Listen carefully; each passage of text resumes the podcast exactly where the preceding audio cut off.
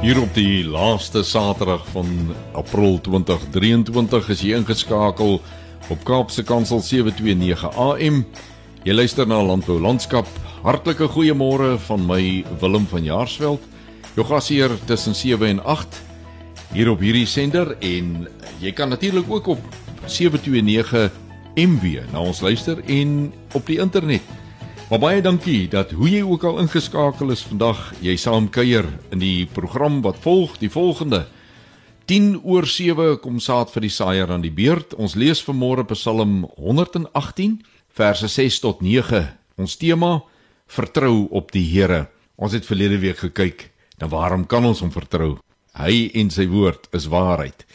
En dan in Kapstok 27 aan die beurt 20 oor 7 praat professor Philip Strydom in die eerste gedeelte van 'n uh, 'n langerige gesprek wat ons met hom gehad het. Gerda Leroux, my kollega, het weliswaar met hom gepraat oor twee sake: vleisklassifikasie en die gradering van vleis. Dis nie dieselfde ding nie. Ons praat baie maklik asof dit dieselfde ding is. Dit is nie dieselfde ding nie. En in die kapstok gleef gaan hy so 'n bietjie raak aan vleisklassifikasie En dan in Huis en Hart wat 7:30 begin, gaan ons die res van daardie gesprek met professor Strydom uitsaai waar dit baie meer gaan oor die graderingsstelsel en waarom dit so belangrik is dat Suid-Afrika soos die res van die wêreld 'n graderingsstelsel sal kry. In die tweede helfte van Huis en Hart gesels Gerda met Kobus Bester van Lewende Hawe Registrerende Federasie oor sy siening oor 'n graderingsstelsel vir vleis in Suid-Afrika. Ja, ons hanteer vandag regtig die die saak van klassifikasie en gradering van vleis in, in diepte, want dit is 'n belangrike ding uh vir my en vir jou, die boer, maar ook vir die verbruiker. In stories van hoop om 10 voor 8 praat Johan Mouton van Molatek oor die bestuur van ou koeie Ja, daardie produseerders wat hulle laaste fase in die kudde beleef, kom dan aan die beurt.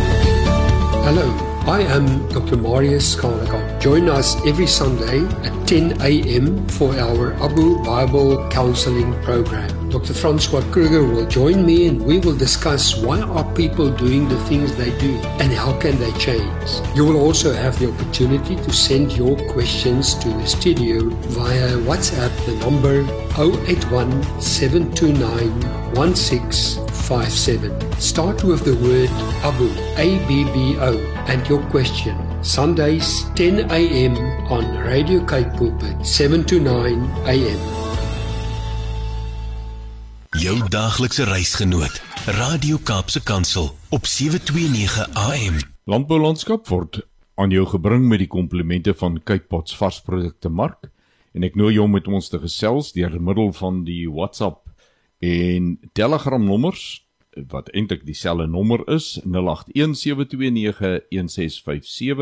Jy kan ook 'n SMS stuur na 37988 of per e-pos by wilm@capepulpit.co.za. Begin jou boodskap met die woord landbou. Ons beleef 'n uh, 'n tyd in ons eie land waar dinge nie altyd so veilig is en dinge wat vir ons vertel word, beloftes nie geglo kan word nie.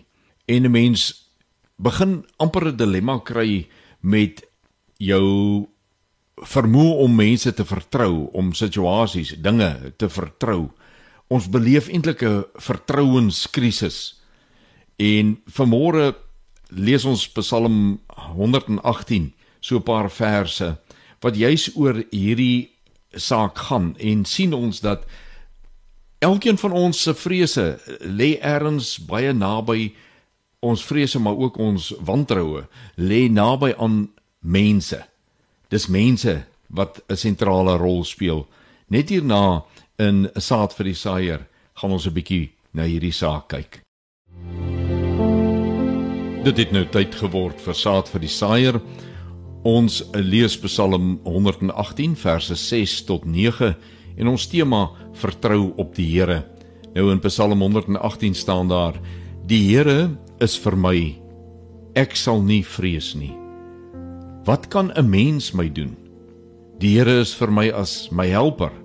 So sal ek dan neersien op die wat my haat. Dit is beter om by die Here te skuil as om op mense te vertrou. Dit is beter om by die Here te skuil as om op edeles te vertrou. Dis vir my wonderlike bemoedigende woorde. Die alternatief word vir ons so duidelik gegee. Aan die een kant mense op wie ons wil vertrou, mense wat ons na wil opkyk, die edeles, die rykes, die aansienlikes. En dan teenoor dit word gestel die Here. En daai Here is in hierdie Psalm met hoofletters geskryf wat bedoel God, God drie enig, Vader, Seun en Heilige Gees. Dis waarvan hier gepraat word. Is vir my. Ek sal nie vrees nie. Wat kan mense aan my doen? sê hy in vers 6. Dis 'n wonderlikheid om te onthou wanneer ons op hierdie aarde elke dag leef. Daar is een op wie ons kan vertrou. Vertrou op die Here. Vertrou op dit wat hy beloof het. Dit wat in sy woord staan. Dit wie Jesus is. Dis die wonderlikheid. Ons mag dit nooit miskyk nie. Ons mag dit nooit vergeet nie. Die psalmis reeds met antwoorde in die Ou Testament was dit 'n duidelike waarheid wat ons maklik in die moderne eeu verloor. Dit gaan verlore tussen gedrukte en uh sosiale media en al dies meer en 'n klomp leuns wat daarmee saamgaan. Maar kom ons vertrou op die Here. Kom ons bid saam. Vader, in die naam van Jesus, kom ons om vanmôre net weer dankie te sê dat U God is. Dankie dat Vader, Seun en Heilige Gees die enigste is op wie ons kan vertrou. Dit is so wonderlik om in die wêreld 'n alternatief te hê wat solied is, wat onwankelbaar is, op wie ons mag vertrou, op wie ons kan vertrou en wat ons nie anders mag as om nie op U te vertrou nie. Dankie Here dat U deur U Gees ook in ons harte werk om by ons vrese en ons vooropgestelde idees verby te kom en volkome die Here te kan vertrou. Ons dankie daarvoor in Jesus naam. Amen. Here at Radio K Pulpit, we love receiving your messages via WhatsApp and SMS, so don't stop sending them. But what about those of you that prefer using Telegram? Well, that's no problem because we have Telegram too. If you've got Telegram, go ahead and use it. And if you don't, you can visit your favorite app store and download the app with the white paper aeroplane icon. And the number? The same as the one you've always used 081 7291 657. 081 7291657. Radio K Pulpit, now also using Telegram. Dit is sommer lekker om so na professor Strydom te luister en hy raak natuurlik twee baie belangrike sake hier aan en dit is belangrik dat ons dit sal verstaan die verskil tussen 'n vleis klassifikasiestelsel en 'n vleisgraderingsstelsel Net hierna in Huis en Hart gaan ons die res van hierdie gesprek uitsaai waar professor Strydom dan oorgaan om te sê daar is sekere faktore wat die kwaliteit van die vleis, met ander woorde die gradering daarvan sou beïnvloed wat op hierdie stadium nie by ons klassifikasiestelsel ingesluit is nie en wat nodig is om in 'n graderingsstelsel ingesluit te word maar dit is nog nie daar nie. Ons het dit nie. Met ander woorde, ons gebruik twee goed deurmekaar en daarom het ons nie die regte boodskap nie. Kom ons hoor wat sê hy in huis en hart net hierna. Ons wil graag weet wat in jou dorp, voorstad, skool, kerk en gemeenskapsprojek of organisasie gebeur. Stuur jou inligting, stories, prestasies, gebeure en nuus na inhoud@kaapsekansel.co.za daaglikse brood van die lewe en steun en raad. Dit alles en nog baie meer saam met Radio Kaapse Kansel op 729 AM. Ek gesels met professor Philip Strydom van die departement vleiskunde, die fakulteit veekundige wetenskappe by die Universiteit van Stellenbosch. Professor Philip, baie welkom op ons program. Lekker om met jou te gesels. Baie dankie Gerda, goeiedag. Professor Philip, die huidige klassifikasiestelsel van rooi vleis is deursak met swak punte. Kan jy vir ons sê wat behels die huidige klassifikasiestelsel tans? Hy het ontstaan in die vroeë 90s, 1990s en met 'n paar aanpassings hierso so in die middel 90s. En basies bestaan dit daaruit dat dit die karkas van beeskaap en dit beskryf maar net die karkas in terme van die vetheid so dit sal dan vir jou die eetbare opbrengs van die karkas probeer demonstreer of klassifiseer. En ons praat nie van 'n graderingsstelsel so baie mense dit verkeerdelik doen nie maar 'n klassifikasiestelsel so dit bestaan basies uit drie komponente. Soos ek dan sê dit sal 'n vetklas wees wat bepaal hoeveel vet aan die karkas is.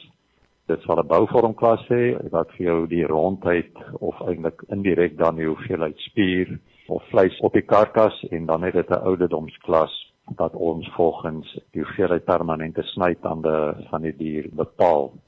Soos wat die dier ouer word, is daar meer permanente snytande. Aanvanklik begin dit as 0 en dan 'n besie rondom 24 maande sny sy eerste tande soos ons nou weet.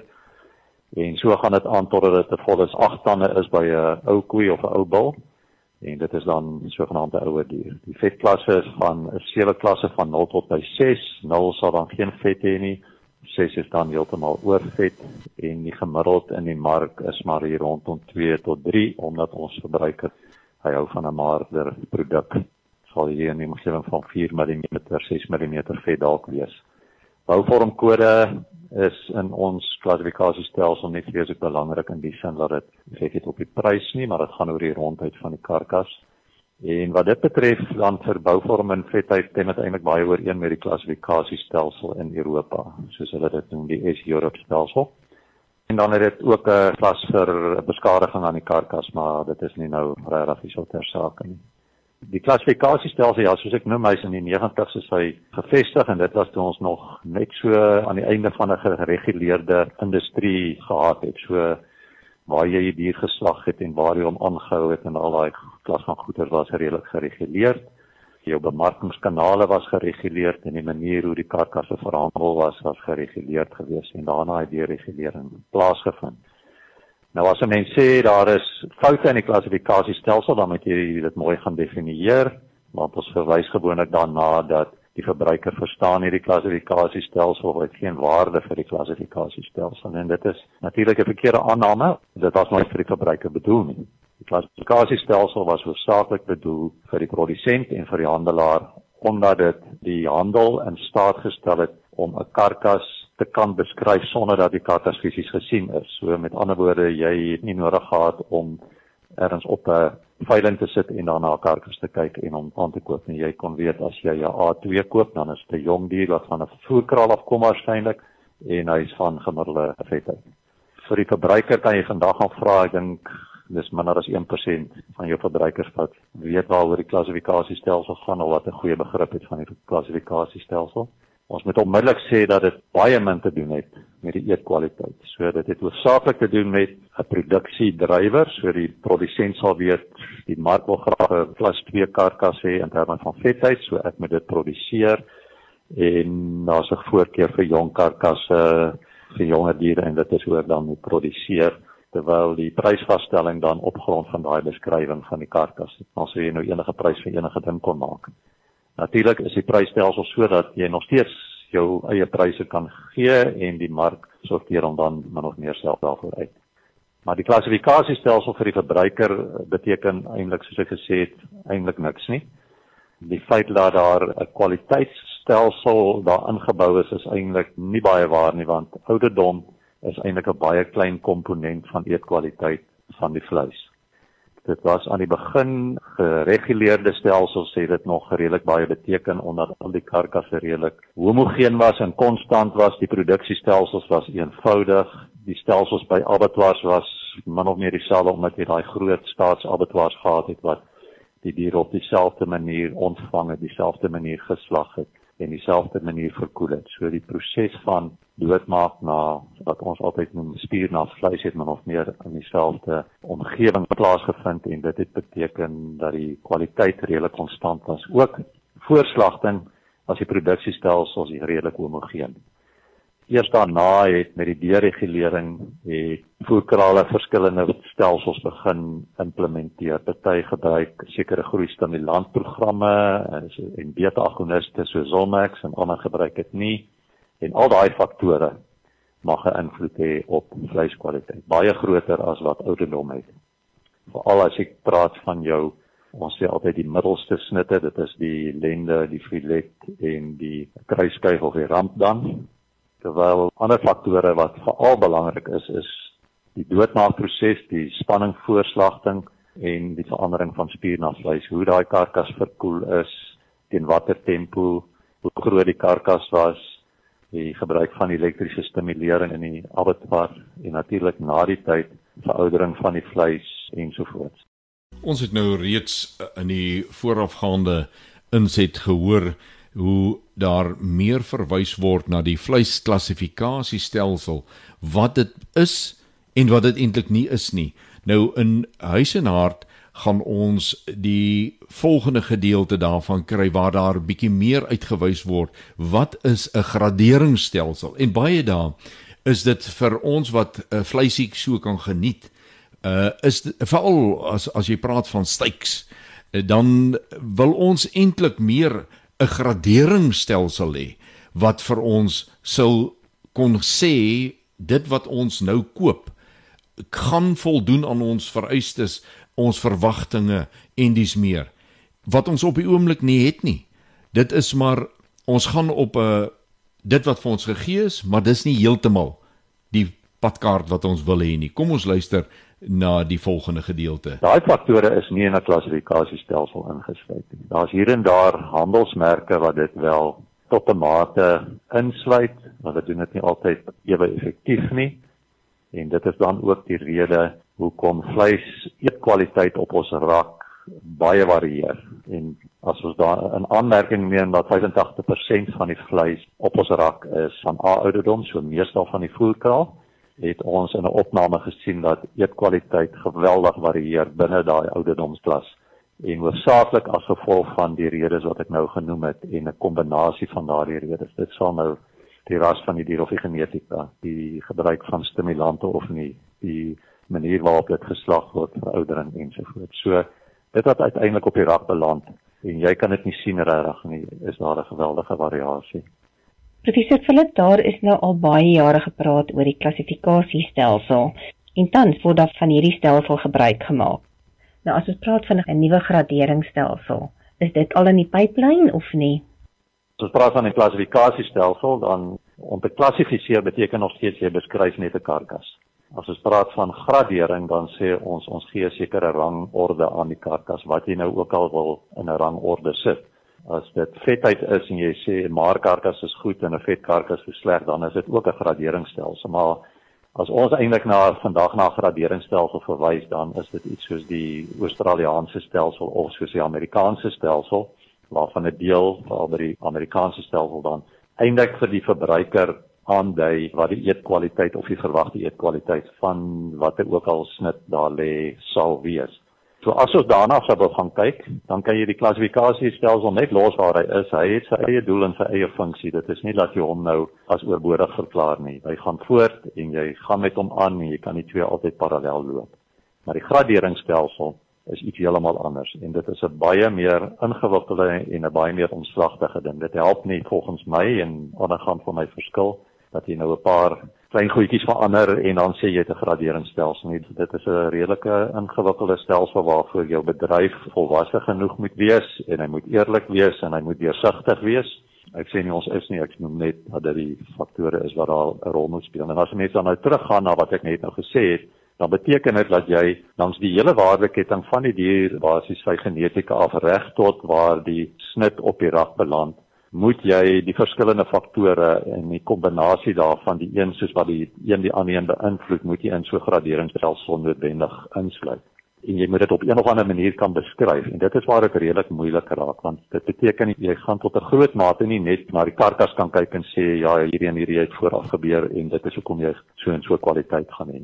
Jy moet 'n bietjie van die geskiedenis van die dier vooraf hê. So jy moet iets soos ras effek daar hê jy moet weet of die dier aan spanning onderhewig was want dit het 'n effek Jy moet weet of hy groei bevorderaars gehad het want dit het 'n negatiewe effek en die aggressie waarin waarmee jy dit toepas maak dat dit meer negatief is. Baie van die negatiewe faktore wat sien maar voorslagting gebeur, kan jy tot 'n sekere mate en ek let wel tot 'n sekere mate kan jy oorkom deur sekere ander goeder weer te doen soos byvoorbeeld langer die karkas verouder of die snit verouder. Maar dit gebeur nie oral nie. Baie van die snitte beland op ons rak na 2 dae en dit beteken daai snit is geweldig taai. So jy moet dan in 'n graderingsstelsel moet jy al daai faktore in ag neem en jy moet dit kan beskryf. Ons noem dit in Engels 'n uh, pathway, so jy moet na al die kombinasies moet jy nou ook gaan kyk en sien wat die effek daarvan is op die uiteinde van die kwaliteit en daarvolgens gradeer jy dan die karkas en ek neem nou maar die voorbeeld van die Australiese stelsel die MSA Meat Standards Australia. Hulle het hierdie ding gedoen en hulle het dit oor die afgelope dekades ontwikkel en al begin uitbrei na ander lande toe en hierdie stelsel het hulle verbruikerspanele gebruik hulle het al daai kombinasies wat ek nou genoem het het hulle gaan toets en daarvolgens het hulle graderingsstelsel dan opgestel en hulle verbeter hom nog soos tyd aangaan maar ons praat nou van hulle het al hier by 'n miljoen snitte het hulle al geproe by verskillende verbruikers in verskillende lande. So dis 'n redelike ingewikkelde stelsel. Om dit van niets af te ontwikkel is waarskynlik baie slim nie. Mense moet liewer aanhou by so 'n stelsel en dit dan in jou land kom toepas. Dit gaan natuurlik 'n koste effek hê en soos ek sê die bedryf moet volwasse wees genoeg hy moet genoeg integriteit hê. En ek dink vir die feit dat dit teen sekere dele van die bedryf gaan tel mag dalk wees dat die bedryf wegloop daarvan soos byvoorbeeld as jy sterk groei bevorderaars gebruik dan mag dit wees dat jou karkas afgegradeer word so dan mag weerstand wees daarteen die implementering van so 'n stelsel dit moet baie mooi eerdink word Ons het nog nie so 'n stelsel nie. Die bedryf het dit al oorweeg en ons het dit al op die tafel vir hulle gesit en ons kom nog nie daarby uit nie. Ons werk waarskynlik in so 'n rigting. Ek dink dit is belangrik veral vir die uitvoermark omdat die uitvoermark hou daarvan om 'n gemeenskaplike taal te gebruik as hulle produkte koop by verskillende lande. Dit help nie jy sê vir hulle hierdie is 'n klas A2 nie, dit beteken vir hom absoluut niks nie. Maar as hy ander faktore kan identifiseer op daardie vleis want dit gaan uiteindelik vir hom meeste van die uitvoere is snitte so hy wil weet hoe daai snit gaan eet sal ek net maar sê. 'n ander belangrike punt wat baie keer uit die oog verloor word is die mense sê maar ons het nie so gesofistikeerde mark nie ons het nie net hoë inkomste en hoë prys verbruikers nie en 'n graderingsstelsel is glad nie net daarvoor gemaak nie as 'n mens karkasse gradeer kan jy hom gradeer as dat hy nou regtig swak kwaliteit is jy moet hom liefs nie koop om te draai nie, maar dan kan dit 'n graad wees wat 'n gemiddelde kwaliteit het, net soos wat jy in die middel van die week wyn het. En 'n beter kwaliteit hê soos 'n naweek wyn en 'n naweek stuk vleis en dan die heel beste kwaliteit wat jy in 'n goeie restaurant sal gaan eet. So daai verskillende grade kan altyd so toegepas word so jy kan dit op daai manier gaan bemark. As jy nie deur al die prosesse kan gaan om topkwaliteit te maak nie, dan weet jy ten minste op 'n akkurater wyse dit wat op die rak lê, het ek 'n verwagte eetkwaliteit hiervan. Want op die oomblik koop ek vandag by want op A is snit en hy proef fantasties en ek besluit ek gaan Vrydag weer 'n klomp koop van my vriende kom draai en ek koop hom weer en dis baie swak kwaliteit omdat ons nie daai beheer het oor die kwaliteit van die produk nie dit in kort die graderingsstelsel wat 'n mens moontlik kan implementeer onslagtig bietjie en nogal op 'n hoë vlak en soos ek sê ons moet genoeg gehad sê om so 'n ding te kan aanvat. Professor Philip, baie dankie vir hierdie inligting en dis goeie nuus om te hoor dat daar in so 'n rigting gewerk word. Ja, dis nie nodig dat ons die wiel moet herontwerp nie. Daar is manne wat al die pad gestap het en ons kan van daardie dinge implementeer en miskien so hier en daar verander. Maar dankie vir jou saamgesels vandag. So aan die einde van hierdie praatjie is dit dalk net nodig om 'n uh, kort samevatting te doen dat ons verstaan wanneer ons praat van 'n klassifikasiestelsel, is dit 'n stelsel wat vir ons sê wat is die bouvorm, wat is die vetheidsgraad en dan ook wat is die ouderdom van die dier.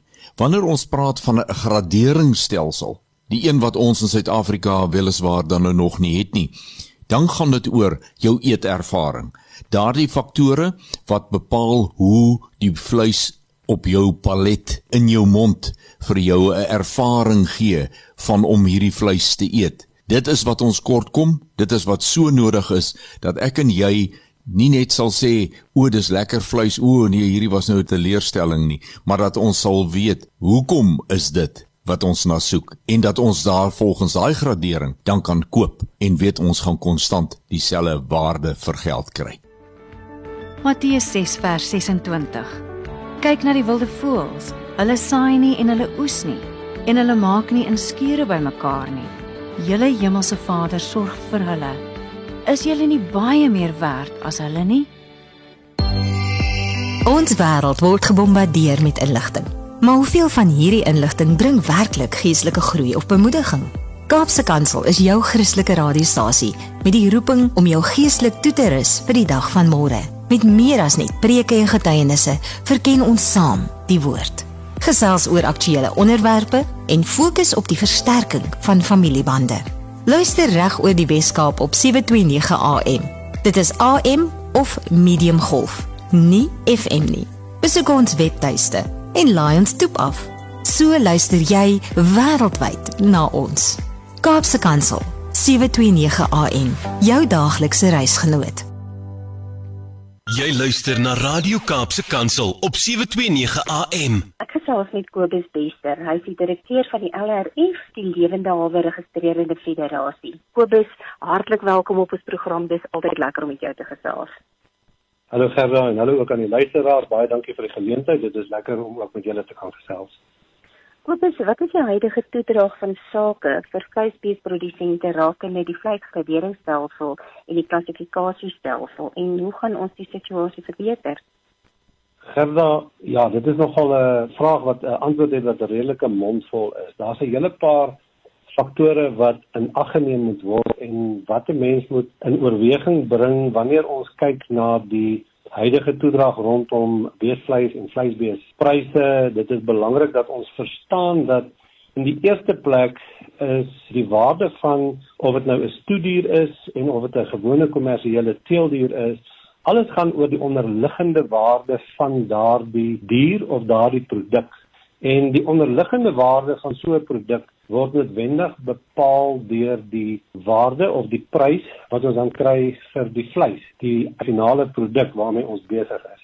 Wat dan egter vir ons baie belangrik is, is dat wanneer ons kyk oor hoe dinge in die verlede gewerk het en wat ons geërf het, is dit belangrik dat ons verstaan dat daar was 'n tyd toe hierdie goed tersaaklik was, die manier hoe vleis geklassifiseer was en dit het hand aan hand gegaan met die era waarin dit gedoen was en tegnologie en wetenskap wat beskikbaar was.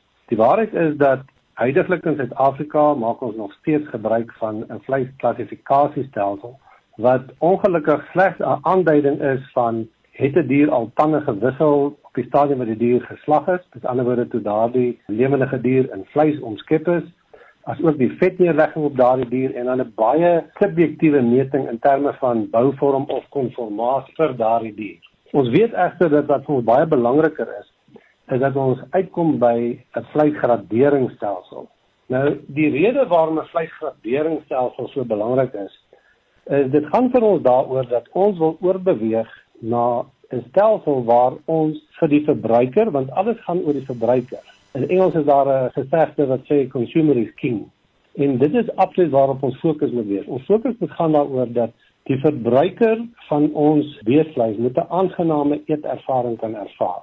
Sodra ons dit dan kan waarborg vir daardie verbruiker, by wyse van byvoorbeeld 'n vleisgraderingsstelsel wat vir die verbruiker 'n aanduiding gee van dit wat hy of sy kan verwag uit daardie pakkie vleis dit is waarna ons op pad is. En dit is ons baie belangrik. Ek wil sê dit is uiters noodsaaklik dat ons wel daarby uitkom.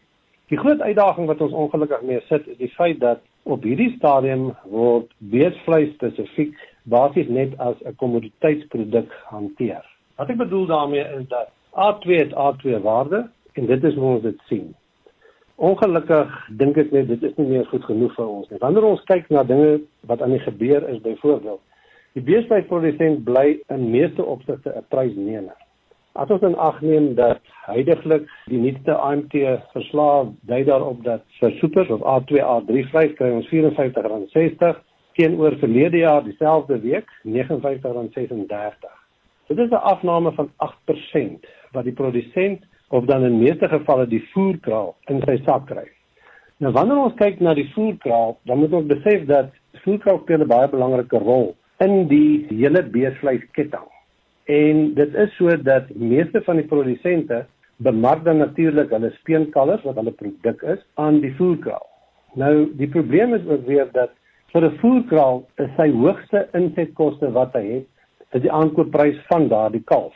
En daarom weer wil die voerkraal daardie kalf teen so laag as moontlike prys kan koop en weet ons dat hulle verkies 'n ligte kalf en die direkte effek wat dit het op hulle winsmarge en alles wat daarmee saamgaan. As ons egter objektief en realisties kyk daarna, dan kan ons sien dat van waar die voerkraal al 'n dier aankoop of daai speenkalf aankoop, is daar geen klem geplaas op die genetiese waarde of dan nou die moontlike opbrengspotensiaal of verdienvermoë van daardie kalf nie. Alles word hanteer as doeteenvoudig vleis as kommoditeit. En dit bepaal dan ongelukkig die prys daarvan. En wat vir ons belangrik is, is dat ons behoort eintlik aandag te gee aan 'n hele paar aspekte binne in die vleisproduksie-ketting om hierdie goed aan te spreek. Een van die goed wat ons noodsaaklik is, is ons moet ernstig kyk om 'n naspeurbaarheidstelsel en ek weet daar's baie privaat stelsels beskikbaar, maar om 'n naspeurbaarheidstelsel in werking te kry wat deur die regering onderskryf of ondersteun sal word of wat afgeteken kan word. Die rede daarvoor is ons het nodig om ons produk, die vleis wat ons produseer, in 'n groter mark te kan instoot. Met ander woorde, Ons het nodig om ons vleis in 'n wêreldmark te kan aanbied waar hy veilig aangebied kan word waar die koper van daardie produk weet dat hierdie vleis voldoen aan die nodige standaarde dat die vleis dan wel korrek gegradeer is ook in terme van die verwagting wat daardie verbruiker in die buiteland sal hê van daardie vleis. Met ander woorde, ons het nodig om ons markplek te vergroot. En jy kan nie jou markplek vergroot as jy sekere goed nie kan waarborg nie. Jy moet jouself kan onderskei van die res deur 'n superieure produk aan te bied. En dit is waaroor dit gaan. Dit is deel van wat belangrik is. Verder meer, saam met 'n naspeurbaarheidstelsel is dit ook belangrik dat ons moet kyk na ons gebruike en ons praktyke. En dit moet ook ondersteun word deur spesifiek te kyk na die graderingsstelsel wat toegepas gaan word. Wat ek bedoel daarmee is dit gaan daaroor dat ons moet nie net die gehalte van die vleis die produk wat in die pakkie is waarborg nie, maar ook die prosesse waardeur dit gegaan het. En waaroor dit eintlik gaan, die prosesse waardeur die vleis gaan, met ander woorde, die vervoer van die dier, die lewendige vervoer van die dier. Dit wat gebeur binne die abattoir. Dit wat gebeur nadat die dier doodgemaak is, met ander woorde, in daai proses wanneer die spier omskakel of omgesit word na vleis. Al daai goed in die waardeketting het 'n invloed en 'n uitwerking op die gehalte van die produk. En wat ons nodig het is 'n stelsel, 'n vleisgraderingsstelsel wat daardie goed nagaan, wat daai goed kan meet en wat dan as ware 'n waarborg in terme van die gehalte van die produk is in 'n markplek wat bereid sou wees om 'n premie te betaal vir daardie vleis. Die feit dat ons voedkrale vandag basies nie kan wins maak sonder die gebruik van hormone en sekere groeibevorderaars nie, is ongelukkig iets wat ons ook moet aan aandag gee. Die waarheid is ons kry nie vandag 'n premie vir gehalte kalwers nie. Daar is kalwers wat geproduseer word, daar's hoeveel kommersiële produsente wat deurlopend topgehalte bulle gebruik, die beste bulle wat hulle kan in die hande kry, gebruik in hulle kuddes om seker te maak dat goeie groei gehandhaaf word.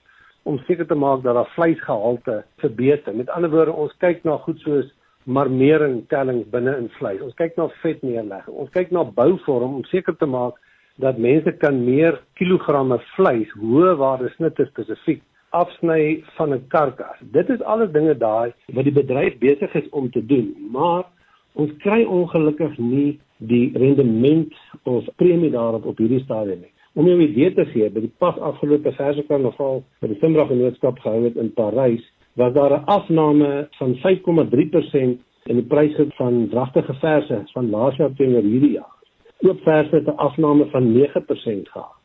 Laas jaar was oop verse verkoop teen R19030 gemiddeld van jaar 17312. Die rede daarvoor is dat die prys van vleis vorm die onderliggende of die intrinsieke waarde op die ou einde van die produk. En ons het nodig om seker te maak dat ons deur gebruik te maak van 'n korrekte aanvaarbare vleisgraderingsstelsel kan uitkom daarbey om 'n beter produk, 'n produk wat gewaarborg is in die markplek in te stoot en dat dit 'n produk moet wees wat die verbruiker of die persoon wat daai pakkie vleis koop 'n verwagting het van sukses. En die feit dat jy weet jy gaan male sonder taal 'n suksesvolle of dan kom ons sê dit anderste 'n aangename eetervaring voorsit. Deur dit reg te kry, weet ons gaan mense bereid wees om meer van ons produkte te koop. Mense gaan bereid wees om 'n premie daarvoor te betaal en baie belangrik, ons sien dit in die afgelope paar maande se statistieke dat ons het nodig om ons markandeel te vergroot en nie nie van kompeteer met ander proteïenbronne binne in die konteks van Suid-Afrika nie. Ons het nodig om ons vleis weier beskikbaar te stel. Daarom is dit vir ons ook belangrik dat ons aspekte soos back and closure, die hele kwessie rondom dit behoorlik aanspreek. Na speelbaarheid het ek al reeds aangeraak, dit is belangrik dat ons daarna kyk. So daar's 'n klomp goed wat moet bymekaar kom sodat ons uiteindelik 'n beter premie vir ons produk kan kry, maar dit gaan nie net oor 'n beter premie van ons produk nie. Ons moet realisties wees oor wat is op die oomblik aan die gang. As ons kyk na wat op die oomblik aan die gang is, dan sal ons sien dat vleispryse in die kleinhandel het ongelukkig toegeneem vanaf Desember tot nou toe.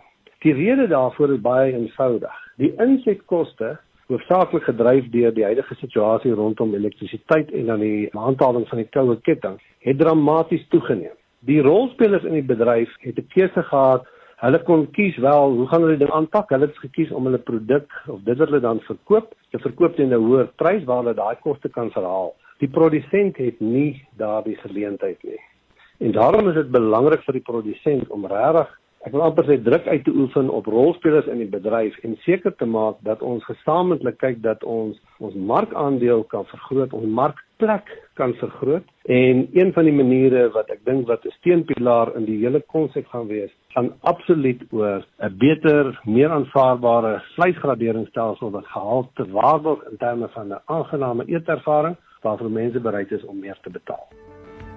Matteus 6 vers 26 kyk na die wilde voëls. Hulle saai nie en hulle oes nie en hulle maak nie in skure bymekaar nie. Julle hemelse Vader sorg vir hulle. Is julle nie baie meer werd as jou daaglikse reisgenoot? Radio Kaapse Kansel op 729 AM. Ek gesels met Johan Mouton, hy's tegniese bestuurder by Molatech. Johan, dis altyd lekker om met jou te gesels. Hartlik welkom op ons program.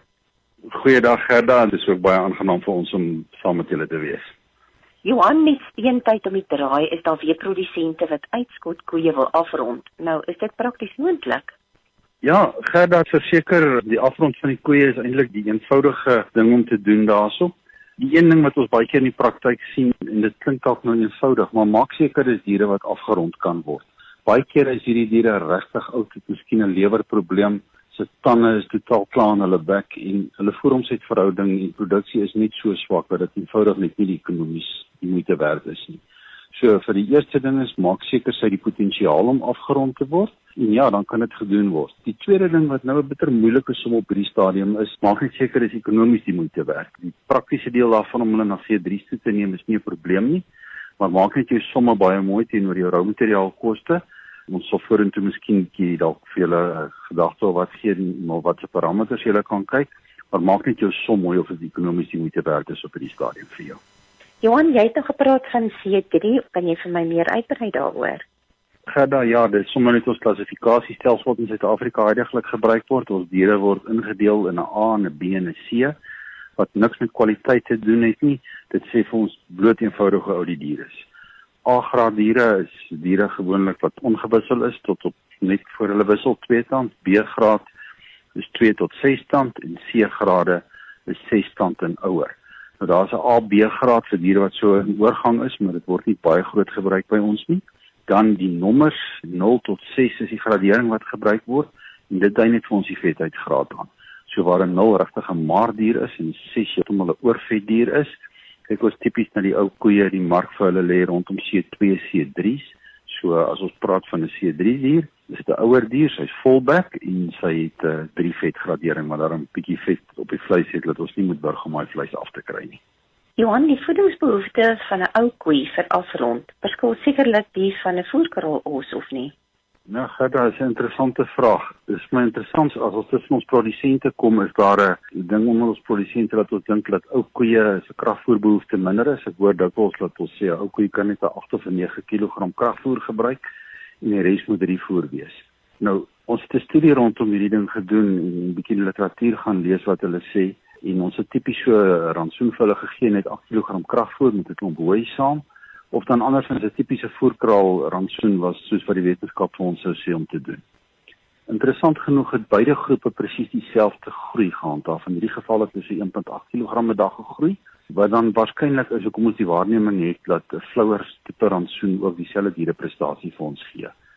Baie interessant, die diere op die sogenaamde flouer rantsoen wat goedkoper was, het heelwat meer van die rantsoen gevreet om dieselfde proteïninname as 'n normale voedkraal rantsoen te hê. So wat net op die ou end gebeur het is dat die goedkoper rantsoen dieselfde diereprestasie gegee, swakker voeromsetverhouding en ons het 50% minder geld gemaak met daai koeie want ons het meer van die goedkoper rantsoen gevoer en ons het self eintlik bankrot gespaar in die proses. So om jou vraag te antwoord, standaard voerkraal rantsoen vir 'n ou koe, moet jy probeer sny op daai rantsoen nie het jy data indikasie van ou koeie se prestasie te gee? Wel, die een wat ek klaar gesê het, ons het so 1.8 kg groei in hierdie geval gekry. Dit was tipiese gemiddelde boerkoeie gewees wat gevoer was, maar hierdie syfer kan baie varieer afhangend van waar jy begin. Wat dit bietjie moeiliker by ou koeie maak, maar rondom 1.8 kg groei is waarskynlik nie 'n sleg syfer om te gebruik nie. Hulle voer ons het verhouding is heelwat swakker as wat ons voerkraaldiere standaard kalversin is ergens tussen 8 en 10 voeromset verhouding wat beteken ons wat maar die gemiddeld by 9 kg voer vreet om 1 kg liggaamsmassa aan te sit. Dan ook afhangend van waar jy mee begin, jou afrondtydperk is so ronde syfers 3 maande omtrent. Daar is produsente wat rondom 2 maande afrond. My ondervinding is dis diere wat gewoonlik op oesreste in die winter was en al redelik kondisie daar opgetel het en van daar af vorentoe baie maklik afgerond het as hulle van die veld af kom hier so einde Mei maand se kant en nie oesregte gehad het nie en ons wil hulle dan afrond maak eerder jou somme rondom 3 maande en dit sal veilig wees. Johannes, daar spesifieke bestuur wat toegepas moet word by die diere. Wel, Gerda, ek dink die een ding wat ons moet onthou, dis ouer diere. Dis waarskynlik 'n koe wat 'n 8 of 10 jaar by jou op die veld was. Sy het 'n 7 of 8 kalvers deur haar, so haar liggaam het hard gewerk ons voorkomende bestuur rondom longsiektes en sovoorts definitief meer aggressief wees. Wat ons waargeneem het in die studie wat ons gedoen het, dis maar groter diere en hulle is ouer en lyk my as ons ouer raak dan raak ons almal meer vermoeilikheid, so ons wil bietjie meer staanspasie vir die diere gee. Ten minste so 20 vierkante meter 'n bees. Die ander een as daar 'n ou koei met horings inkom, joh, hulle is verskriklik dominerend in die krale en maak die diere langsam seer. Ek persoonlik sou eerder verkies as sy horings het wat slaghalf sit op van die geraak ontslaaf van haar. Dan die ander een, daar's 'n bietjie observasie wat ons nodig het by die ou koeie. Weerens dit gaan oor die ouderdom ding. En as ek die Engelse woord mag gebruik, daar's 'n pecking order wat ontstaan by hulle soos by jong diere ook, maar meer dominant by die ouer koeie. En ons kry baie keer dat daar een of twee geweldig dominante diere is wat veral by die voerbakke baie domineer en keer laat ander eet. As jy so 'n koei waarneem, daar's net een raad wat slag haal. En onmiddellik sal alles bietjie rustiger raak en kraal. So bietjie meer ekstra bestuur, bietjie meer ruimte, bly weg van die horings af. Kyk na daai picking order en jou gesondheidsbestuur definitief bietjie op 'n hoër vlak wees. En dis omtrent die hele ding rondom die ou koeie gerda. Ons het so pas nog 'n maand se saamkuiers afgehandel. Die einde van hierdie program beteken ook die laaste van die April maand se programme. Baie dankie dat jy saam met ons gekuier het. Ek dink ons het in hierdie maand nogal baie aandag gegee aan die onderwerp van veeteeling en uh, vleis veral. En hopelik na vandag is daar in jou as verbruiker se gemoed, maar ook in jou as boer se gemoed meer duidelikheid oor wat klassifikasie van vleis is en wat gradering van vleis sou kom beteken. En altoe is belangrik, maar ons is op hierdie stadium so 'n bietjie sonder die laaste een die gradering gedeelte. Kom ons hoop dat daar spoedig 'n uh, verandering hierin sal kom in ons uh, land. Dit was vir my 'n voorreg om jou gasheer te wees. Volgende Saterdag uh is dit weer landbou landskap se beurt. Ons sê baie dankie aan Kypots varsprodukte mark wat hierdie program vir ons moontlik maak. Gesels asseblief met ons op die plekke en maniere wat ek reeds vroeër in die program gesê het. Tot ons dan weer saam is, groet ek Willem van Jaarsveld. Mag jy elke oomblik Vader se guns op jou lewenspad beleef. Wederom